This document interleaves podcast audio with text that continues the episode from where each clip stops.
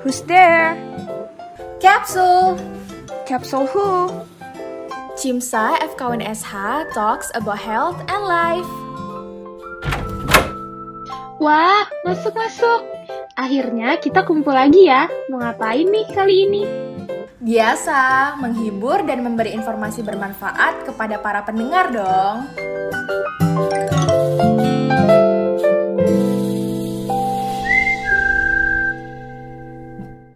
Halo, selamat pagi Cimsa. Kembali lagi dengan Capsule Cimsa FKUNSH Talks About Health and Life.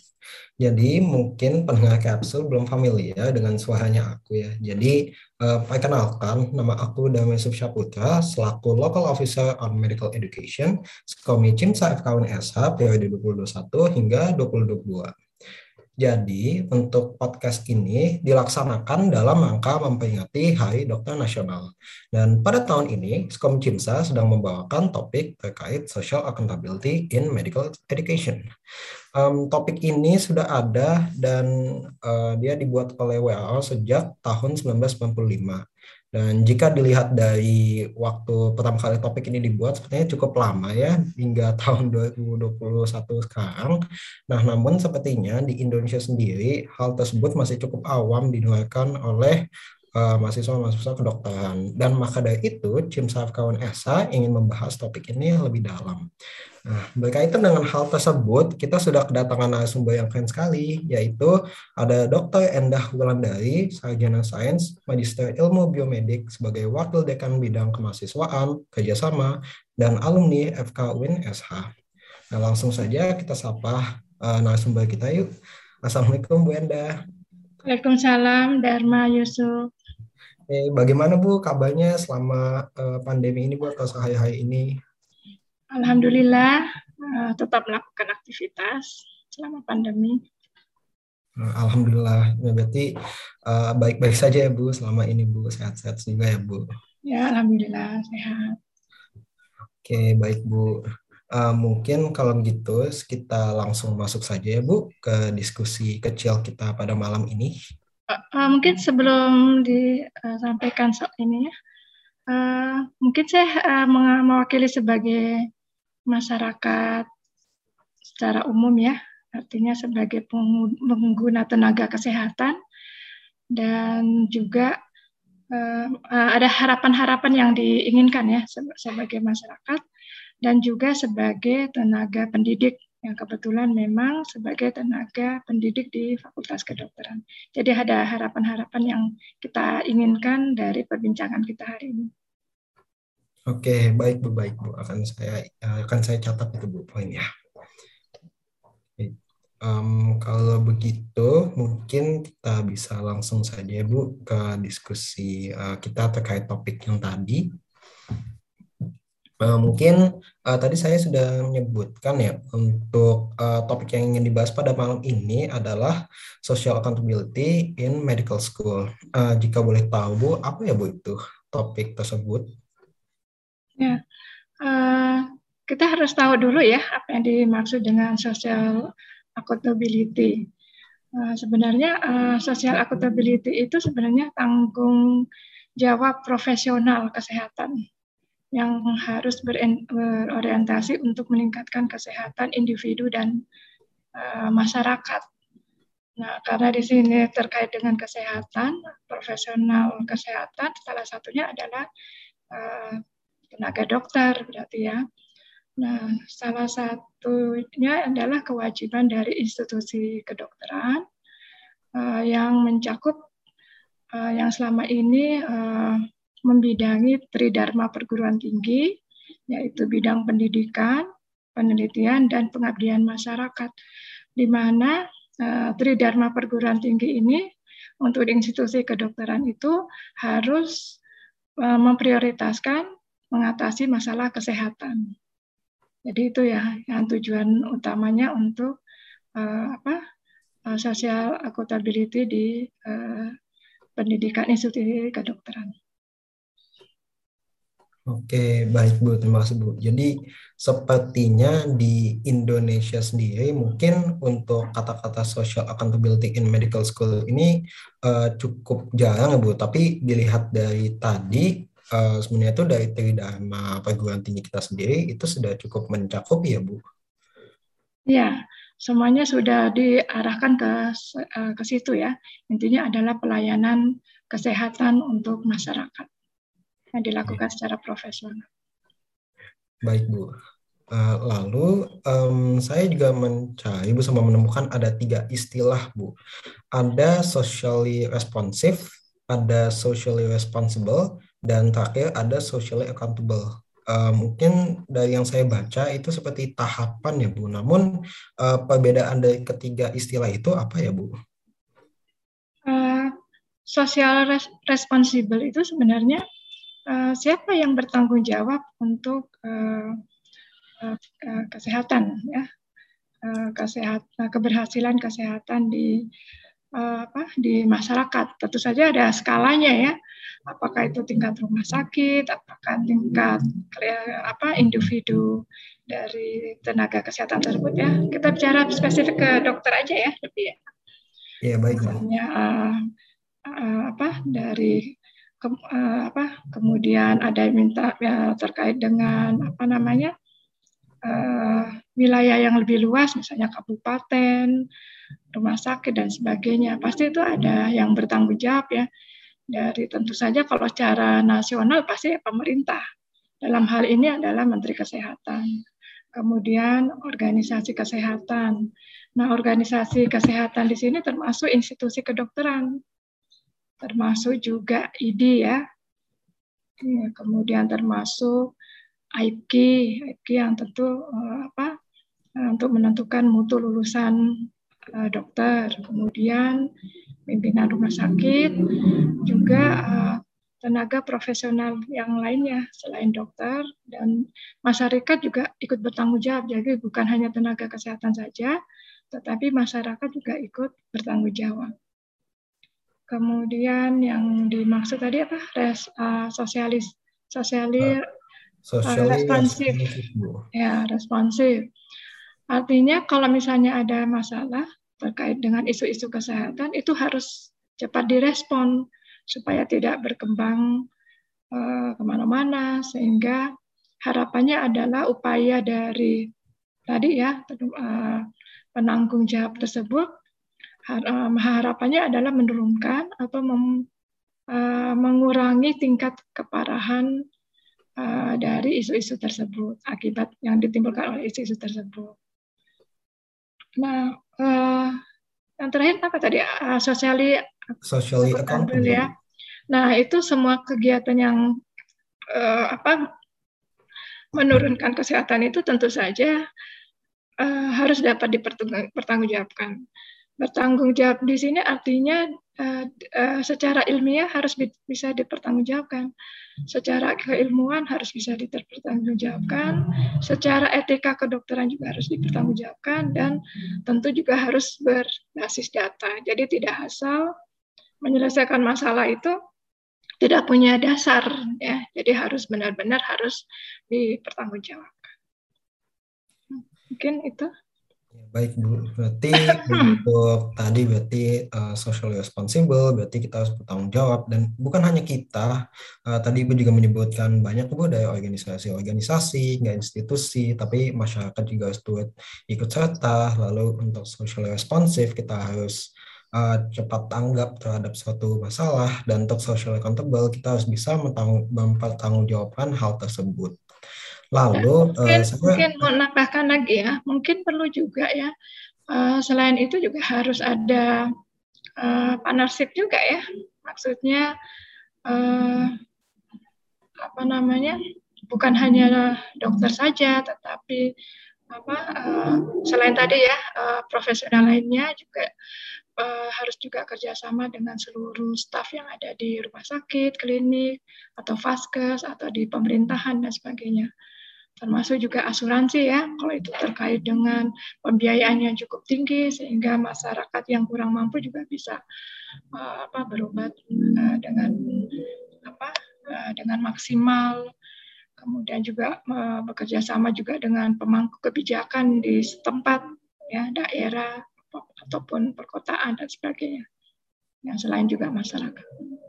Iya Bu, berarti ini cukup multifaktorial Bu. Ini tadi seperti ya. Bu bilang Tidak. bukan hanya tenaga kesehatan, ah, bukan hanya bagian kesehatan saja ya Bu yang harus itu, tapi uh, sektor-sektor lain juga harus berkolaborasi untuk mencapai uh, untuk dapat menangani isu ini ya Bu. Ya, tidak bisa uh, bekerja sendiri ya. ya. Ini banyak faktor yang harus uh, apa dilibatkan. Oke, baik Bu. Um, mungkin uh, saya juga ini Bu tertarik tadi uh, di mana uh, dilihat dari teori perguruan tinggi kita bahwa uh, konsep social accountability ini sebenarnya sudah masuk ya. Jadi um, saya penasaran Bu, apakah uh, eh bagaimana caranya suatu fakultas atau suatu institusi kedokteran uh, sudah mengetahui bahwa mereka sudah mencapai uh, social accountability seperti itu Bu? Nah, Uh, untuk mencapainya tentu saja harus melihat dari kita harus survei dulu ya apakah su, uh, uh, sudah tercapai apa tidak. Sebenarnya kalau fakultas uh, kedokteran itu setiap tahunnya harus melakukan survei. Sama seperti kita ya, Fakultas Kedokteran Uin Syarif Hidayatullah Jakarta. Uh, kita harus melakukan survei. Terus survei di sini adalah uh, terhadap alumni kita ya alumni dari Fakultas Kedokteran ini apakah uh, sudah memenuhi syarat untuk uh, melayani masyarakat baik di rumah sakit atau di klinik atau di instansi yang lainnya terkait dengan uh, bidang uh, bidangnya. Selain itu juga kita melakukan survei. Nah, survei di sini uh, survei terhadap pengguna alumni. Ya, pengguna alumni itu bisa atasan, bisa pasien, uh, dan bisa juga teman uh, teman profesional lainnya. Artinya apakah uh, apakah apa kompetensinya itu bisa di sudah sesuai dengan apa yang diharapkan itu melayani masyarakat atau melayani individu secara maksimal. Oke, baik Bu. Berarti uh, tadi mungkin cara kita menilainya itu salah satunya bisa kita lihat dari uh, alumni-alumni hasil dari institusi kedokteran tersebut ya Bu. Apa mereka sudah memenuhi kriteria tersebut atau tidak? Oke. Ya.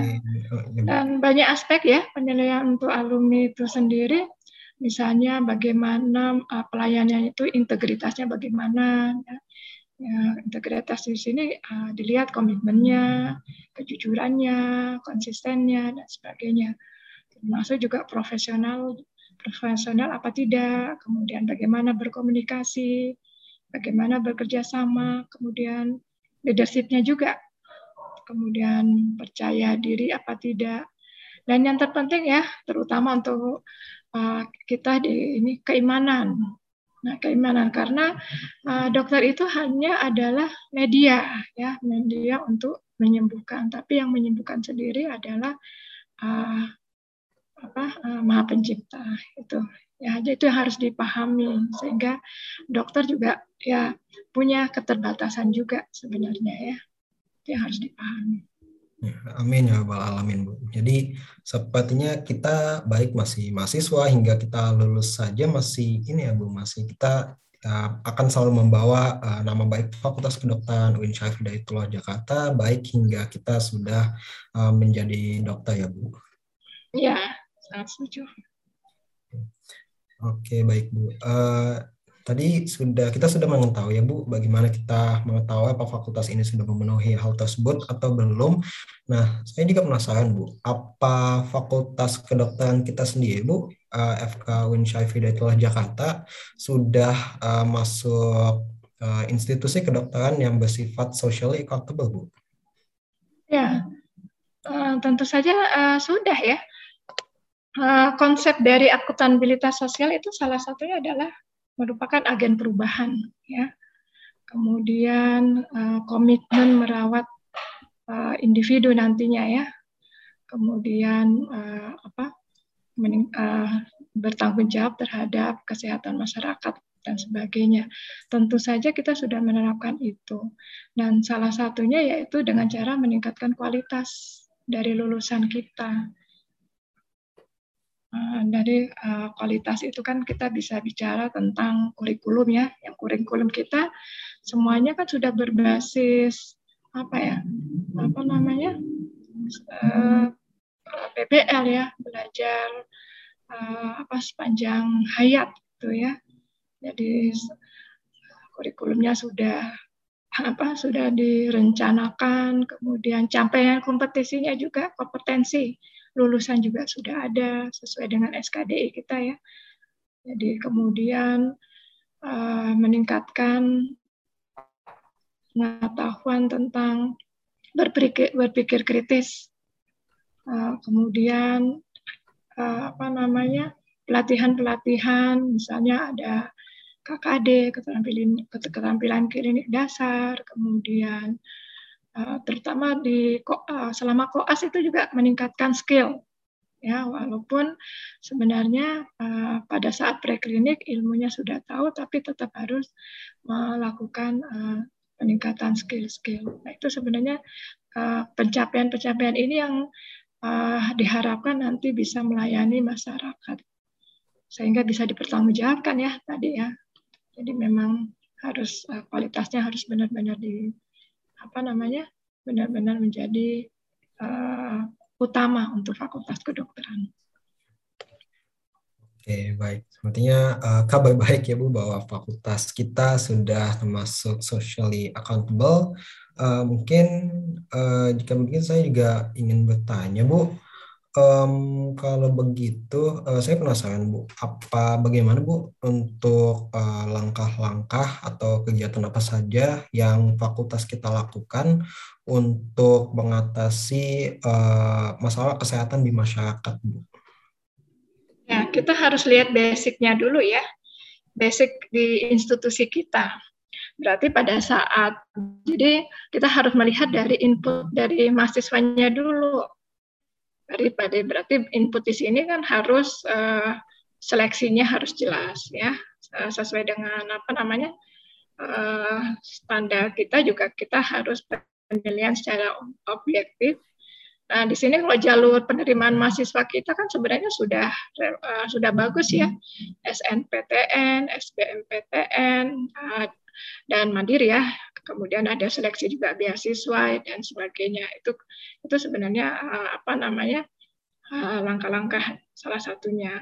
Kemudian uh, penilaian indeks prestasi kumulatif yang tiap semester kita apa mahasiswa peroleh. Yaitu merupakan capaian-capaian yang harus dicapai. Karena yaitu uh, untuk menjadi dokter kan harus semua materi itu kan harus dikuasai. Makanya kenapa uh, apa kehadiran itu minimal 80 persen, artinya uh, minimal 80 persen materi itu bisa dikuasai. Alhamdulillah kalau bisa mencapai 100 persen, itu yang diharapkan. Jadi ada batas minimal capaian ya, itu yang yang diharapkan. Kemudian penguasa, penguasaan kompetensi. Jadi uh, apa kasus-kasus yang memang uh, apa uh, ada di Indonesia atau di luar negeri dan sebagainya secara internasional itu juga harus uh, apa namanya harus dikuasai. Makanya kenapa ada kompetensi ujian kompetensi. Dan yang sering mungkin didengungkan oleh pimpinan fakultas yaitu tentang seven startup dokter ya. Tadinya five, apa five sekarang sudah ada tujuh. Nah mungkin itu uh, sudah tahu ya uh, harus menjadikan pelayanan kesehatan, kemudian bisa mengambil keputusan, dan itu harus didengung-dengungkan, mampu berkomunikasi dengan baik, kemudian apa apa menjadi leadership, bisa mengelola atau mengatur apa namanya uh, dalam sistem pelayanan. Kemudian selain itu juga ada yang tambahan ya sekarang itu menjadi peneliti, researcher. Ya, jadi itu juga penting. Kemudian yang terakhir adalah iman dan takwa. Dan itu yang uh, apa? Ya, yang kalau kita kalau dikemas dalam kurikulum kan itu sudah ada semua ya. Kalau di dalam apa pendidikan kita dan itu memang Nah, itu langkah-langkahnya saya rasa sudah jelas. Nah, yang mungkin belum yang belum maksimal mungkin dibangun itu adalah uh, kognitif dan kreatif. Nah, itu yang kita dorong uh, kreativitas dari uh, apa? mahasiswa itu dibangkitkan lagi karena uh, tantangan ke depan itu adalah Uh, mungkin akan banyak kasus-kasus baru ya sama seperti COVID ini kan kasus baru dan itu mungkin tantangannya mungkin lebih apa uh, lebih banyak ke depan untuk mengatasi kesehatan sehingga dibutuhkan uh, suatu kreativitas. Gitu. Oke, itu ya, langkahnya sudah ada ya sebenarnya dalam kurikulum kita maupun akademik non akademik ya kegiatan akademik non akademik termasuk CIMSA ya yang sudah melakukan juga. Baik, bisa didengar ya untuk pendengar semua, eh, terutama yang pendengar yang mahasiswa Fakultas Kedokteran UIN Syarif Jakarta, eh, kita harus bangga ya untuk punya fakultas ini di mana ya tadi mulai dari sistem seleksi kita hingga pembuatan kurikulum kita hingga hal-hal lain yang berkaitan dengan akademik itu sudah dibuat sedemikian rinci dan dievaluasi terus menerus uh, dari uh, uh, di, ya di sudah dibuat serinci mungkin dari uh, uh, dari stakeholdersnya kita. Uh, mungkin uh, ingin bertanya lagi Bu untuk uh, untuk kerjasama dari Fakultas Kedokteran Unsyaif Hidayatullah sendiri, apakah ada Bu yang berkaitan dengan uh, masyarakat sekitar Bu?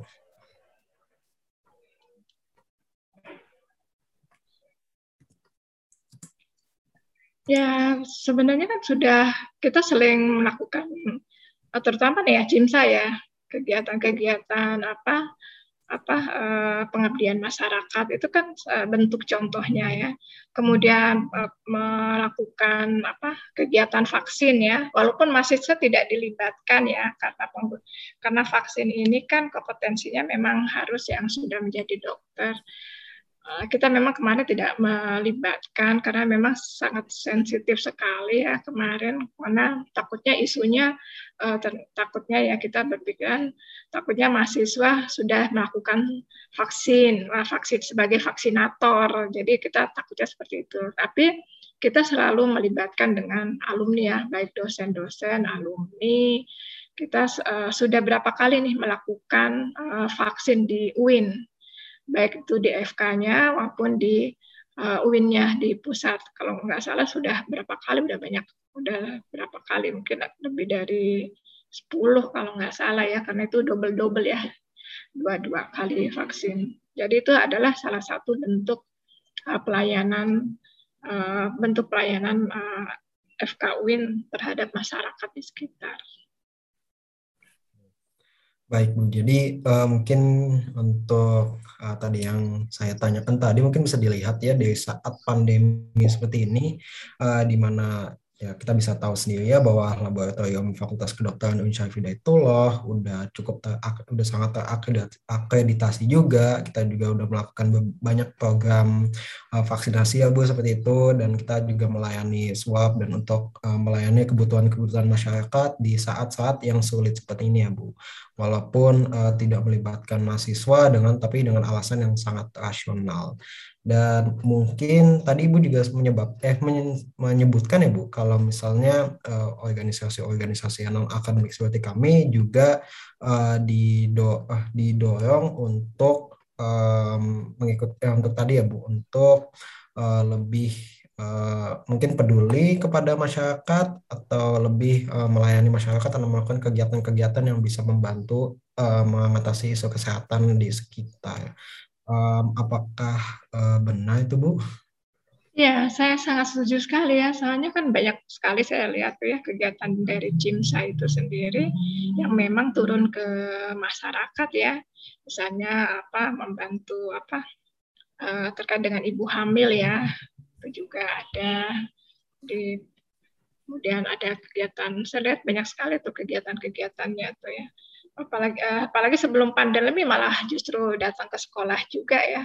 Melakukan riset-riset juga itu ya. Ya saya ya kita sebagai apa institusi kedokteran sangat mendukung sekali untuk kegiatan tersebut. Karena ini kalian sambil belajar ya, uh, sambil belajar uh, langsung ke masyarakat gitu ya. Oke, baik. Uh, mungkin saya sebagai anggota CIMSA jadi cukup um, bagaimana ya Bu bangga, senang seperti itu ya Bu bahwa kegiatan kami juga didukung uh, dari kampus kami sendiri. Terima kasih banyak Bu. Um, ya mohon maaf Bu, agak senyum-senyum sendiri saya di sini. Iya, kita juga diarsipkan setiap kegiatan semuanya diarsipkan. Jadi ada arsipnya. Jadi nanti sewaktu-waktu kita melakukan akreditasi, kita juga ada bukti bahwa mahasiswa kita itu aktif. Dan kemarin juga ya informasinya tuh uh, bagus untuk kegiatan mahasiswa itu ternyata institusi memang sangat mendukung gitu loh dan mahasiswa-mahasiswanya juga sangat aktif. Gitu. Oke, baik. Uh, maaf Bu, saya jadi semakin senang-senang sendiri selain membantu institusi, membantu akreditasi ya. Ya mohon maaf Ibu jika saya agak sulit untuk mengendalikan diri Bu. Um, mungkin uh, jika begitu, mungkin ini ada pertanyaan terakhir Bu dari saya. Mungkin tadi sebenarnya udah di, sedikit disinggung ya Bu, sama udah dijawab. Mungkin uh, tapi uh, ini agak ini ya Bu. Jadi um, ha, apa harapannya Bu? Mungkin dari program didikan, dari jajaran, dari pihak-pihak um, dari program uh, dari pihak-pihak dari prodi atau pihak-pihak dari dekanat apa yang uh, bapak-bapak dan ibu-ibu harapkan kepada kami mahasiswa agar uh, kita juga bisa sama-sama membangun fakultas kedokteran kita agar menjadi lebih baik lagi, Bu.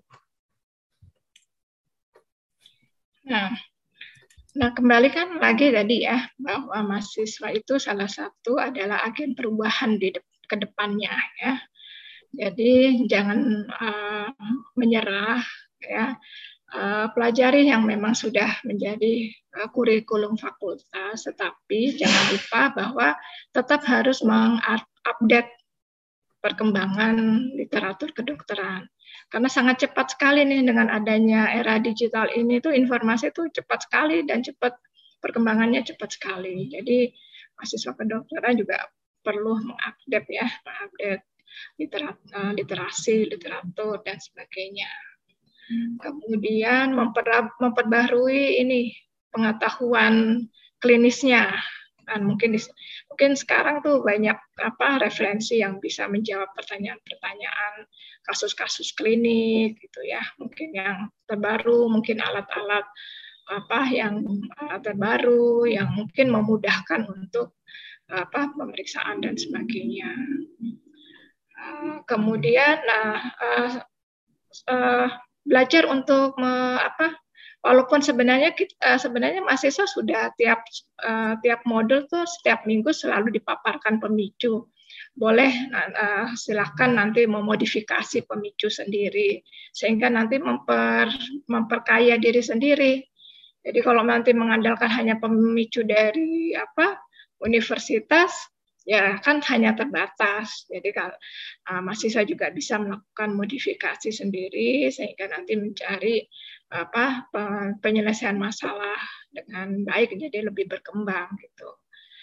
Dan kemudian yaitu pengalaman-pengalaman di klinik itu sangat berharga ya nanti kalau misalnya Dharma nanti masuk ke apa klinik itu mungkin nanti yaitu banyak sekali pengalaman-pengalaman di sana dan pasien itu adalah menjadi guru juga ya.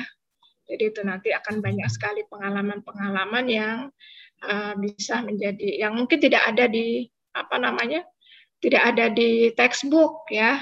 Yaitu pengalaman-pengalaman itu uh, kadang-kadang sangat berharga. Itu saja harapannya.